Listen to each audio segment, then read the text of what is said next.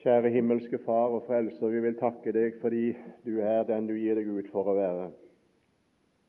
Takk for du er Israels Gud. Og Nå vil vi takke deg, Herre, for det du har gjort med dette folk, og den ledelse du har ført dette folket med inntil i dag, og du har også planer med dette folk i fremtiden. Det er jo ditt folk utvalgt i Abraham, Gud, som ditt eiendomsfolk som du vil ta deg av for Abrahams skyld. Og vi vil takke deg, Herre, fordi at du skal ta deg av dette folket på nytt igjen og føre det tilbake igjen til det land som du gav deg en gang. De skal få det igjen. Og det skal bli ditt folk når du utøser over de nådens og bønnens ånd, og de ser opp til deg som de har gjennomstunget. Herre, vi vil takke deg for det du har brukt dette folket til, og det du fremdeles vil bruke dette folket til i framtiden, til velsignelse for verden. Herre, du er underlig i din ledelse, underlig i din plan og underlig i dine råd. Vi forstår det ikke, Herre, men vi vil bare beundre deg og si at du er en stor Gud.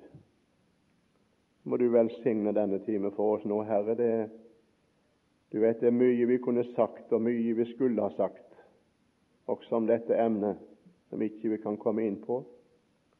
Men Herre, la noe bli til velsignelse. La det som vi sier nå, kunne få være med virkelig til å stadfeste ordet for oss på en slik måte at vi tar det slik som det står, og venter på at du skal fullbyrde det på jorden. Herre, vi vil takke deg for anledningen også til å møtes i dag. Velsign dagen for oss i Jesu navn. Amen.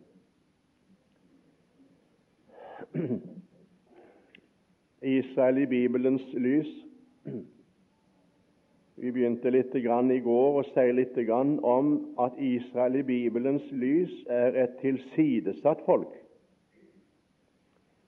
Det var et utvalgt folk i Abraham utvalgt til å være hans eiendomsfolk, med tanke på at i hans ett skulle alle etter på jorden velsignes, nemlig Kristus skulle komme ifra den etten ifra Abraham og ifra Abrahams ett.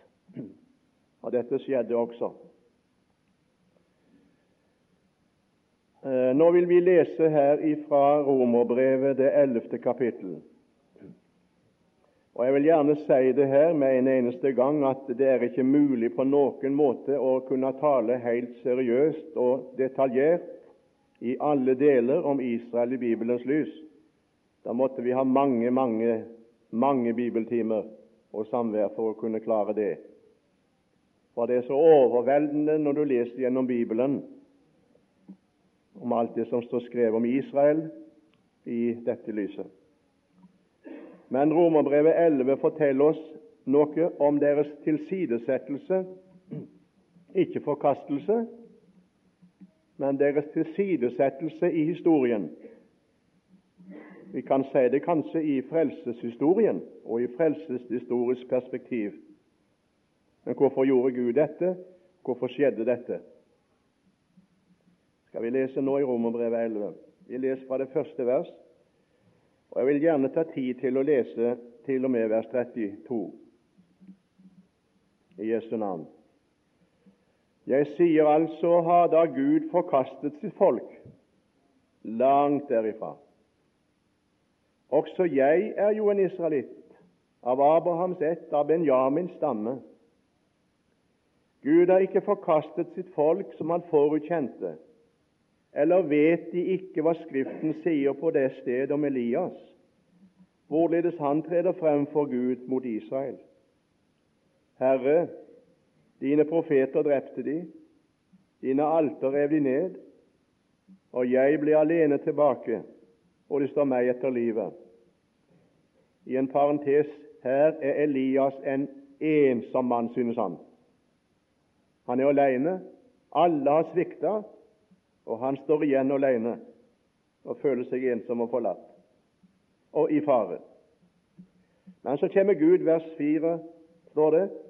Men hva sier Guds svar til ham? Et svar som Elias aldri hadde tenkt på i hele tatt. Det tror jeg neppe han hadde. Hva sier Guds svar? Jeg har levnet meg 7000 menn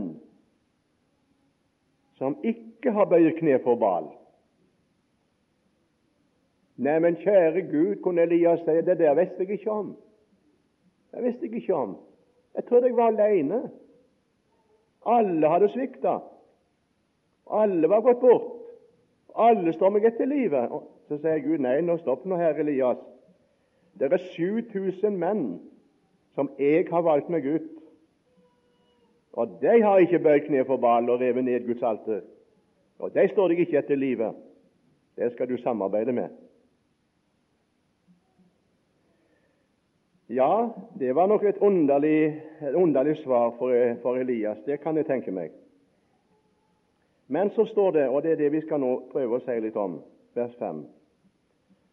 Slik, eller således, er det da også i denne tid blitt en levning tilbake etter nådens utvelgelse. Men er det av nåde, da er det ikke mer av gjerninger. Ellers blir nåden ikke mer enn nåde. Hvorledes altså? Det som Israel attrår, det har de ikke nådd altså som folk. Men de utvalgte, altså den levningen som er utvalgt etter nådens utvelgelse, de, de har nådd det. De andre er blitt forherdet. Som skrevet er Gud gav dem en treghetsånd, øyne til ikke å se med og ører til ikke å høre med, inntil den dag i dag. Og David sier, la deres bord bli til en strikke og en snare og en felle og en gjengjeldelse for dem. La deres øyne bli formørket så de ikke ser, og bøy alltid deres rygg. Jeg sier altså, har de da snublet, altså Israels folk som folk, for å falle? Langt derifra. Men ved deres fall er frelsen kommet til hedningene for at dette, ved at frelsen kom til hedningene, skulle vekke dem, Israel, til nidkjærhet. Ja, slik står det. Uh, egentlig så er det vel et ord for nikjærhet i grunnteksten som blir brukt som misunnelse. Skulle vekke det til misunnelse. Når de ser evangeliet gå sin gang til uh, hedningefolkene, så skulle Israel våkne opp og bli misunnelig, for det var jo de som fikk det først. For jøde først, og så for greker. Men det ser ikke ut for det at det virker så veldig misunnelig. Eh, ennå, La meg få lov å si det i en parentes her i dag, at det, det er, det, jeg merker litt av det i dag i Israel. Som jeg nevnte her en dag om i overrabbineren i Jerusalem, som, som sa det til, til uh, mennene i synagogen at nå må det få Jesus fra Nasaret hjem til Eretz Israel, for han er hos hedningene, men han er ikke hedningene sin mann vår. Han er vår mann. Han er vår mann. Han er jøde fra Nasaret. Så langt. Men er deres fall en rikdom for verden? Altså det at det ble satt til sides, ikke ble forkasta, men satt til sides av sin forhold. Jeg kom inn på det. Er deres fall en rikdom for verden, er tapet av dem en rikdom for hedninger? Hvor meget mer da er deres fylde? Fremtidsperspektivet. For til eder taler jeg i hedninger, så sant som jeg hedningenes apostel, priser jeg mitt embete. Om jeg bare kunne vekke mine kjødelige frender til nikjærhet. Og så legger, merke, legger du merke til, så sier han og få frelst noen av dem. For er verden blitt forlikt med Gud ved deres forkastelse, hva annet ville deres antagelse bli enn liv av døde? Men er førstegrøden hellig, da er deigen det også. Er roten hellig, da er grenene det også. Om nå allikevel noen av grenene blir avbrutt, og du som var en vill oljekvist, ble innpodet iblant dem og fikk del med dem i oljetreets rot og fedme, da ros deg ikke mot grenene, Men hvis du roser deg, så er det da dog ikke du som bærer roten, men roten som bærer deg. Du vil da si grenene ble avbrutt for at jeg skulle bli innpodet. Vel, ved sin vantro ble de avbrutt, men du står ved din tro. Vær ikke overmodig, men frykt. Og sparte Gud ikke de naturlige grener, da vil han heller ikke spare deg. Så se da Guds godhet og strenghet. Strenghet er over dem som er falt, men over deg er Guds godhet, så fremt du holder deg til Hans godhet eller skal også du bli avhugget? Men hine skal også bli innpodet, så fremt de ikke holder ved i sin vantro. For Gud er mektig til å innpode dem igjen. For ble du avhugget av, olje, av det oljetre som er vilt av naturen, og mot naturen innpodet i et godt oljetre, hvor meget mere skal da de som blir innpodet i sitt eget oljetre, bli innpodet i sitt eget oljetre, disse som av naturen hører det til. For jeg vil ikke, brødre, at dere skal være uvitende om denne hemmelighet, for at dere ikke skal tykke seg dere selv kloke, at forherdelsen delvis er kommet over Israel, inntil fylden av hedningen er kommet inn. Og således skal hele Israel bli frelst, som skrevet er. Fra Sion skal redningsmannen komme. Han skal bortrydde ugudelighet fra Jakob. Og når jeg borttar deres synder, da er dette min pakt med dem. Etter evangeliet er de fiender for eders skyld. Men etter utvelgelsen er de elsket for fedrenes skyld. For sine nådegaver og sitt kall angrer Gud ikke på. For like som de før var ulydige mot Gud, men nå har fått miskunn ved disses ulydighet, så har også disse nå vært ulydige, for at de også skal få miskunn ved den miskunn som blitt eder til del. For Gud har overgitt dem alle til ulydighet, for at han kunne miskunne seg over dem alle. Det er ikke for ingenting at apostelen han bryter ut av i vers 33 og dyp av rikdom og visdom og kunnskap hos Gud. Hvor uransakelig hans dommer er, og hvor usporlige hans veier. Ja, kan du skjønne det Gud gjør her. La meg nå ganske kort få lov å si litt om dette som jeg nå leste, uten at det skal si om alt som vi leste her fra Romerbrev 11. Det første jeg gjerne vil understreke, det er det at Gud, sier Paulus her i Romerbrevet 11, han har ikke forkastet sitt folk, som han forutkjente. Jeg vil gjerne understreke det, for det en har liksom en følelse av det i våre dager, at det blir sagt nemlig Israel har spilt sin rolle. Og tenk om både Norsk Rikskringkasting og alle de andre som har med media og massemedia å gjøre, ville lese Bibelen. Israel er ikke forkasta, enda de forkasta evangeliet. Om å si det slik som folk og som ledere. De forkasta Kristus, men Kristus forkasta ikke dem. Hvorfor gjør han ikke det? For han har gått inn en pakt med Abraham. Han har utvalgt dette folket i Abraham. Og Du skal legge merke til hele veien så står det 'for fedrenes skyld'.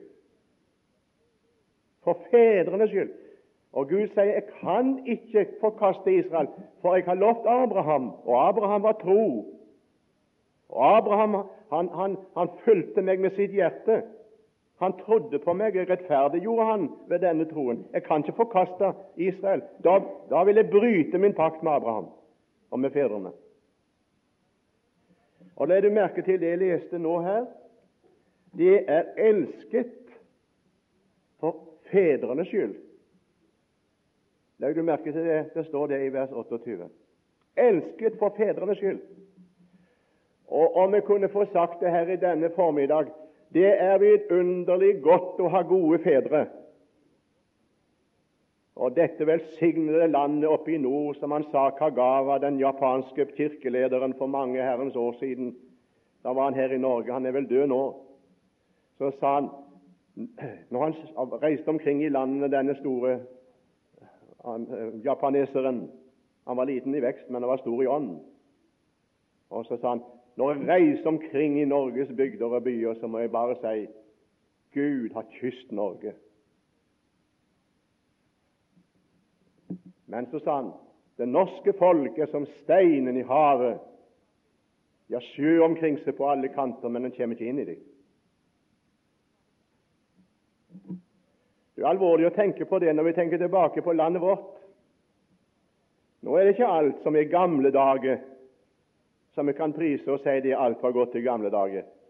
Det vet vi når det gjelder både det materielle og det sosiale osv. Men kjære venner, vi hadde åndelige fedre i dette landet som trodde på Gud. Jeg kan gå tilbake og nevne mange. En sterk tro på Guds ord. Og Jeg må gjerne si jeg, jeg har lyst til å rope det ut, det som står hos profeten. Stå på veiene og se til. Spør etter de gamle stier. Spør etter hvor veien går til det gode, og vandre på den. For Det som skjer i dag, det er nemlig at det norske folk forlater de gamle stiene som fører til det gode. Respekten for Guds ord, respekten for Guds rike, respekten for den hellige Gud. Holder på å forsvinne fra det norske folk. Vi svikter, vi også i dag, det som fedrene hadde, og som de stilte opp, og som virkelig var deres liv. Jeg må gjerne få lov å si det, og det ligger i meg å kunne rope ut her i dag, så vil vi bli i samme situasjon også vi, hvis vi svikter den Gud som var Norges og fedrenes Gud. Vel, jeg vil gjerne si det her i dag fordi at eh, de var elsket for fedrenes skyld. Så her må du bare bøye deg for Guds ord. Gud har ikke forkastet sitt folk, som han forutkjente. Og Paulus han sier det, jeg er jo også israelitt, sier han, av Abrahams ett og Benjamins stamme. Gud har sannelig ikke forkastet sitt folk. Det har han ikke. Og Jeg synes det er så fint når det det leser i Bibelen min om hvor Gud handla for fedrenes skyld med dette folk. Og Når vi ser det i dag også, så skal du vite det når vi er nede i Israel, så, så går det mer og mer opp for meg. Dette folk lever ikke med Gud. Men Gud har dette folk i tanke og i plan. Han vil ikke bryte sin pakt, verken når det gjelder velsignelsen som han vil gi deg omsider, på grunn av det han hadde en pakt med Abraham, og landet skal de få, men ikke fordi at de var så gode og så bra, men for fedrenes skyld. For løftene han har gitt, står han fast ved. Og Derfor heter det Jeremias 1, som vi har sitert noen ganger nå, jeg vil våke over mitt ord, så jeg fullbyrder det. Når Gud kom til, til eh, Abraham og ville gå til Sodoma, som du kjenner til Hvis du har lest din bibel, så kjenner du til det. Så sier han det når han var sammen med Abraham der, så sier han at 'jeg vil ikke dølge for min venn Abraham det jeg har tenkt å gjøre'. Jeg vil ikke dølge for han, Så forteller han hva vi gjør med Sodoma og Gomorra. Og Da står det jo et, du kjenner til historien at Abraham følgde vår Herre på veien. Og Så begynte han å spørre Herre, kan du ødelegge det rettferdige med det urettferdige, du som er alle jordens skaper og Gud? Det passer ikke for deg å gjøre det. Er det 20 eller 25, så jeg kan like ned til 10? Vil du ødelegge Sodoma og Gomorra hvis det er ti rettferdige? Du som er rettferdig? Nei, sier Gud, er det ti rettferdige i Sodoma og Gomorra, så skal jeg ikke ødelegge den. Og så vet du det, Da vågde ikke Abraham å gå lenger ned, for det var ikke ti rettferdige. Det var en lott brorsønn der, han var der. Og Lot, Abraham var i nød for Lot. Jeg er sikker på det at når han vendte seg og gikk hjem igjen, så var han ikke sikker. Han var ikke trygg. Lot kommer til å bukke under, for det er ikke ti rettferdige. Og det skulle egentlig, etter det som var sagt, er det ti rettferdige i Sodoma, så skal jeg spare byen. Men den ble jo lagt i grus. Vi kjenner til det ild og svovel falt ned fra himmelen og fortærte byen på grunn av deres synd og ugudelighet. Men hva står det? Det står når Gud ødela Sodoma og Gomorra, kom han Abraham i hu og fridde Lot ut. Du ser det et veldig fint forhold mellom Gud og Abraham. Abraham Jeg må komme Abraham i huet, for jeg forsto det når, som om Gud ville si han ville jo gått lenger ned enn til ti, men han våget ikke. Men nå skal jeg være nådig for hans skyld, og så skal jeg fri Lot ut fra Sodoma. Han kom Abraham i hu og fridde Lot ut. Nei, Gud har ikke forkasta sitt folk, men folket som leder med det ledende i spissen, og det er vel det som er det avgjørende her, som jeg nevnte i går, nemlig at det er de som forkaster hjørnestenen.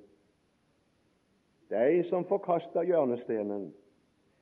De bygningsmennene Ja, det heter jo slik Bygningsmennene forkasta den sten som bygningsmennene forkastet, er blitt hovedhjørnesten.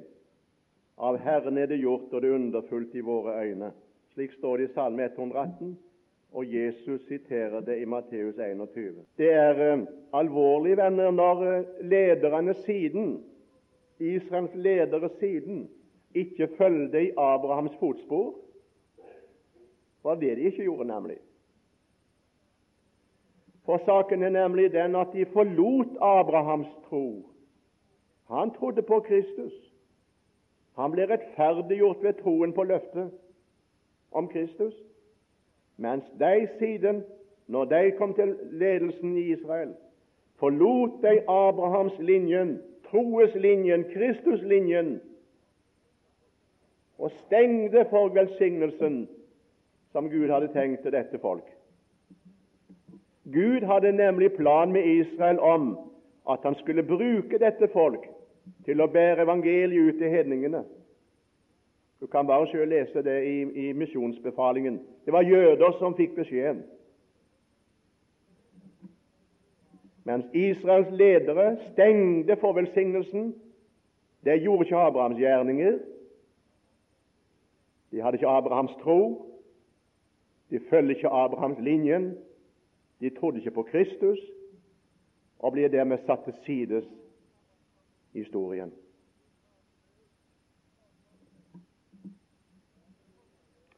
Og Derfor vil jeg gjerne understreke det her i dag at det er veldig viktig og det er veldig alvorlig, venner, når et folk som har en slik bakgrunn som Israel hadde det den gangen, og også i dag, ta det ad notam, med slik bakgrunn som et kristent folk og et kristent land har, at lederne som siden kommer til, ikke går den linjen som er Guds linje og vei. Det fører til konsekvenser, alvorlige konsekvenser for et folk. Og Jeg må gjerne si det, nå skal ikke blande politikk inni her, men eh, jeg må virkelig si det fra denne talerstol på bibelkurset 1985 at jeg er engstelig for Norges framtid. Jeg er meget engstelig. Og nå, kjære venner, nå må vi ikke bare snakke om hvordan det burde være, og hvordan det ikke skal være, men nå må vi som folk, som kristenfolk iallfall, bøye våre kne og be til Gud om en regjering som kan lede Norge på rett vei. For nå er jeg på, nå er jeg på kollisjonskurs med Gud. Og Gud gi oss nåde til at vi må ha en regjering i dette land og vi skal snakke om det som ikke går på kollisjonskurs med Guds ord, men som heller bøyer seg for det. Og skal vi få de lover som nå tenkes på og forfattes og føres inn i landet vårt, så Gud hjelpe oss. Vi blir et Sodoma. Det henger forbannelse over oss hvis vi skal gå inn på de veier. Jeg vil gjerne si her i dag alvorlige ting som skjer når synden blir ført fram og blir forsvart fra høyeste hold, uten at jeg skal nevne konkrete ting. Da Paulus og Barnabas talte til jødene og de ledende i synagogen For det er alvorlig når, når Israels ledere når Israels ledere eh, forfatta resolusjoner, eller vi skal si det slik, eller sa det at hvis noen, hvis noen eh, bekjenner at Jesus fra Nasaret er Messias, så støyter vi han ut fra den åndelige sammenheng, fra synagogen. Det var deres bud. Så forherda det seg, og så ble det mer og mer forherdelse i folket på grunn av det. Så sier Paulus der i vers 46 da tok Paulus og Barnabas til orde og sa dem rent ut. Det var nødvendig at Guds ord ble talt først til dere. Men siden dere støter det fra dere og ikke akter eder verdige til det evige liv, så vender vi oss nå til hedningene. For så er Herrens bud til oss jeg har satt deg til et lys for hedninger, for at din, du skal være til frelse inntil jordens ende. Så var det noen hedninger som var samla der. Da de hørte det, ble de glade og priste Herrens ord. Og de tok ved troen så mange som var utsett til evig liv.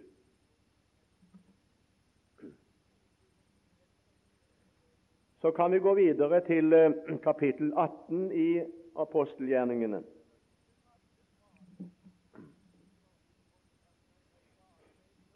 Kapittel 18 i apostelgjerningene,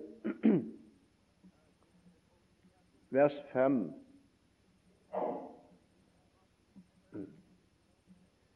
Da nu Silas og Timoteus kom ned fra Makedonia, var Paulus helt opptatt av å lære, idet han vitnet for jødene Altså Her er en jøde, en frelst jøde, som vitnet for jøder, sitt eget folk, at Jesus er Messias.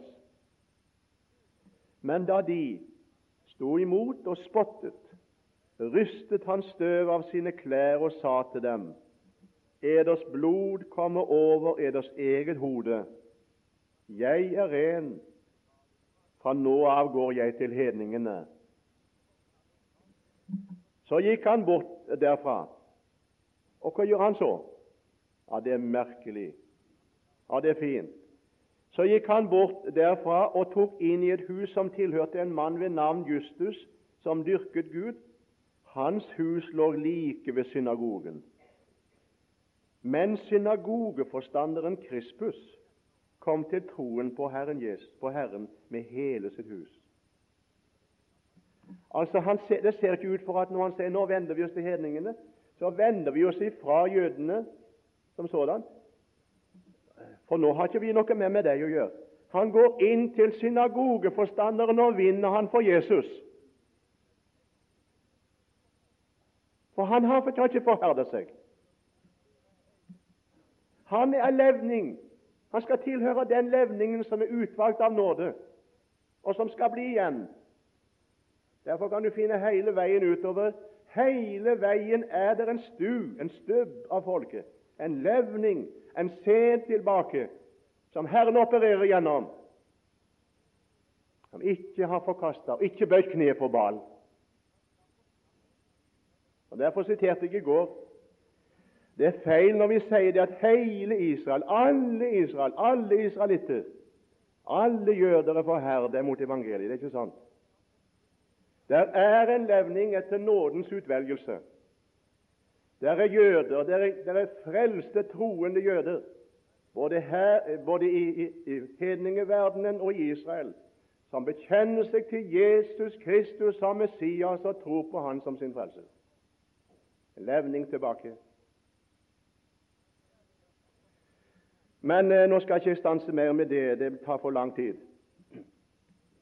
Men eh, jeg vil gjerne understreke det her at eh, av Israels ledere som forkasta hjørnesteinen, Kristus, og ikke tok imot ham, så vendte apostlene seg til hedningene. Og så begynner hedningemisjonen. Apostelgjerningen 28. Vi skal ta også det med. Så når vi leser her om folket som forherder seg mot evangeliet og forkaster evangeliet, så er det altså skyld i lederne som ikke følger Abrahamslinjen. Vers 26 eh, i apostelgjerningen 28. Gå til dette folk og si er profetens ord. De skal høre og høre og ikke forstå, se og se og ikke skjelne. Og dette folks hjerte er sløvet. Med ørene hører de tungt, med sine øyne lukker de, og sine øyne lukker de, for at de ikke skal se med øynene og høre med ørene, og forstå med hjertet omvende seg, så jeg kunne få lege dem. Så verd er det, da vitterlig at denne frelse er blitt utsendt til hedningene.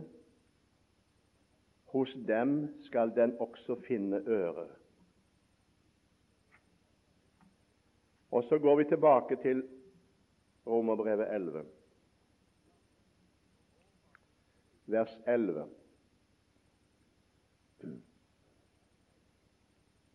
Jeg sier altså, har de da snublet for å falle? Eller for å si det med våre ord, har de vært motstander mot evangeliet for å gå fortapt og bli aldri blitt tilkjennegitt meg og aldri vært mulighet lenger? Er det mulig at det blir evig forkastelse? Langt derifra. Og her kommer Gud inn på en forunderlig måte, synes jeg. Gjennom at Israel som folk og ledere forkaster evangeliet, går frelsen til hedningene. Derfor heter det ved deres fall, altså ved at de ikke tar imot Kristus og ikke bare tar imot evangeliet, kommer frelsen til hedningene. Og vers 12 deres fall blir en rikdom for verden, står det i vers 12 og første verset. Deres fall en rikdom for verden, tapet av dem en rikdom for hedninger. Altså Her ser det ut som om Gud setter til sides da, dette folket og sier han, nå skal jeg sette det til sides, for nå skal evangeliet gå videre til hedningene. Og så skal det gå tilbake igjen og komme til Israel igjen. Og da skal de åpne seg for det. Og Jeg må bare si dere her at jeg fryder meg ved, ved det som står her. Når det står i vers 12 at deres fall altså forkastelse av Abrahams tro og Kristustroen, og bli kutta ut av treet, oljetreet, for at hedninger skulle innpodes. Jeg kan ikke komme inn tilbake til det nå. Komme i neste time og si litt om det. Så blir andre greiner pota inn som ikke tilhører treet, men som er ville oljekvister, blir satt inn i et tre. Fordel litt treets rot og fedme, og blir lik med dette treet. Det er mot naturen. Helt mot naturen. Du poter ikke en vill oljekvist inn i et, en vill, et vill epletre, f.eks. en vill eh, kvist fra et eh, vilt epletre, inn i et godt tre for at, at treet skal bli godt. Altså, du poter ikke inn en, en kvist inn i et tre, og så skal den, den, det treet da gjøre det slik at også den kvisten blir god. Nei, faktum er nemlig den at du poter inn for at den potekvisten skal påvirke hele treet. Det, det, det, er den kvisten som skal bestemme hvordan treets frukt skal bli siden. Men her her tar Gud altså og setter sides og tar greinene bort, og så poter han hedningene inn i, i, i Kristustreet. For det er det det ligger i dette.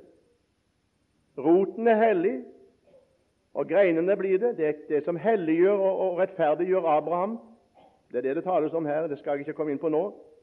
Og Så kommer potekvisten inn, og så blir potekvisten lik med treet. Den ville oljekvist blir ikke vill. Den får del i oljetreets rot og fedme.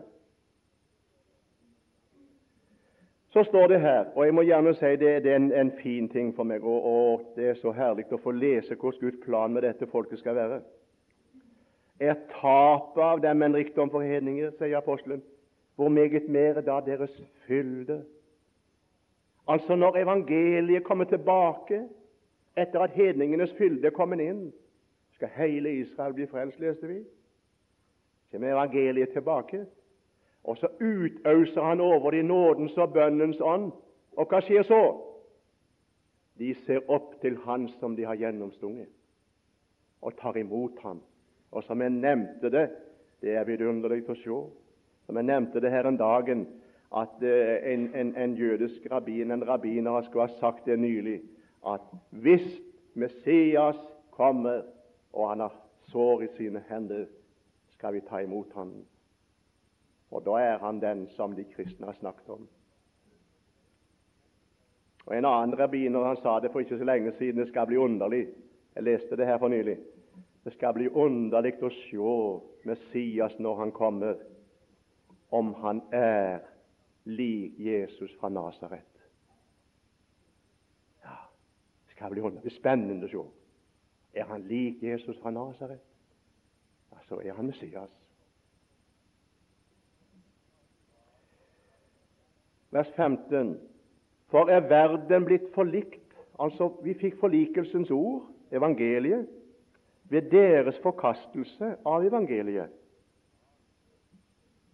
Det er nettopp det vi blir. Forlikelsens ord blir tatt ifra deg, og så går det til hedningene. Og så får vi del i forlikelsens ord og blir forlikt med Gud for vår tid. Men så heter det videre Hva annet Og nå er det, er det framtidsperspektivet. Hva annet vil da deres antagelse bli enn liv av døde? Jeg våger å si det her fra denne talerstol at vi har, kan jo snakke om, om, velsignelser og vekkelsestider over verden, og i, både ute og hjemme. Men da, venner, da skal det bli, når Israel tar imot evangeliet, da blir det en misjonstid. Kan du lite på. I tusenårsriket når Israel skal se opp til Han som de har gjennomstunget når Han kommer for å sette sine føtter på Oljeberget, opprette sitt rike. Da skal Han bruke dette folk. De 144 000 i åpenbaringens sju skal Han først sende ut i trengselen. Kan lese om dem. 12 000 av hver stamme. Han skal sende dem ut som sine tjenere og skal vinne skarer i hedningeverdenen som aldri har hørt evangeliet. Jeg er veldig glad i, i all misjon, og jeg må si det om jeg er indremisjonsmann, så er jeg ytremisjonsmann. Jeg støtter så langt jeg kan med mine midler og i bønn til Gud for all misjon. Men jeg vil bare si det vi må aldri tenke den tanken engang. Enda vi, vi vil ikke ta misjonstrangen og iveren ifra deg at du og vi som er kristne i dag, og Guds menighet i dag på jord, skal kunne kristianisere verden. Nei. Det går bare tilbake, det, skjønner du. Folkeeksplosjonen er så stor at kristendommen bare går tilbake, den. Ja, men det det sant? Ja, det kan du lite på at det er. Så stor eksplosjonen. Jeg er ikke så veldig begeistra for alle gallup og for alle prognoser og sånn på kristelig grunn. Men jeg vil si det Billy Graham han har noe å fare med på mange måter, og han har noe å fare med når det gjelder det også. Han har eh, satt fram en prognose der han sier bl.a. det at hvis det år 2000, sier Billy Graham to år 2000, det er ikke så lenge til det skal være 9 kristne mennesker i denne verden. Det er ikke stor prosent, og det er 91 som ikke er det. 9 kristne i denne verden. Må det frelse 37 mennesker hver eneste minutt i dag. 37 mennesker hver minutt må frelses i verden hvis det skal være 9 Så store folkeeksplosjonen. Men at Israels antagelse skal bli en mer som mer enn livet av døde, ja, det blir det. Og Så står det, skal vi ta videre i vers 28 og nevne det til slutt, og vers 32. Jeg synes det at det er en underlig, en underlig Gud. Eller hva synes du? Når du leser vers 28 og 32 Etter evangeliet er Israel blitt fiender av det for vår skyld. Ha? Ser du hvor Gud har planen med hedningene? Han lar faktisk talt Israel få bli satt til sides på den måten. De er fiender av evangeliet, fiender av Kristus, fiender av nåden, fiender av Abrahamslinjen som leder Israel, som folk i Israel. Men så sier apostelen evangeliet, de er blitt fiender av evangeliet. Eller etter evangeliet er de fiender for eders skyld. Men etter utvelgelsen som folk er de elsket for fedrenes skyld. Tenk, tenk det. Og da skulle vi være veldig seine, kjære venner, til å dømme disse folk. Ja, vi skulle det. Når de på tross av dette, og vi synes det er forferdelig at det ble fiender av evangeliet, og forkasta evangeliet, forkaste Guds ord, men tenk igjennom denne forkastelsen av evangeliet får vi del i det. Tenk det. Fiender av evangeliet for eders skyld. For at vi skulle få det. Og så det siste jeg må nå ta til slutt. Ja, vi kan ta vers 31 òg. 30. For like som vi før var ulydige mot Gud, men nå har fått miskunn ved disses ulydighet, så har også disse nå vært ulydige for at de også seinere skal få miskunn ved den miskunn som er blitt eder til del. Og Så står vers 32. Jeg forstår det ikke, men jeg skjønner at det er noe veldig bak det. Gud tillater noe her. For Gud har overgitt dem alle til ulydighet. Ja, Men står du bak dette da, Gud? Kan du overgi et helt folk til ulydighet? Ja, det står det her. Men hvorfor gjør han det? For at vi skulle få evangeliet og bli forlikt med Gud og bli rike i Gud og fordele i oljetrets rot og fedme.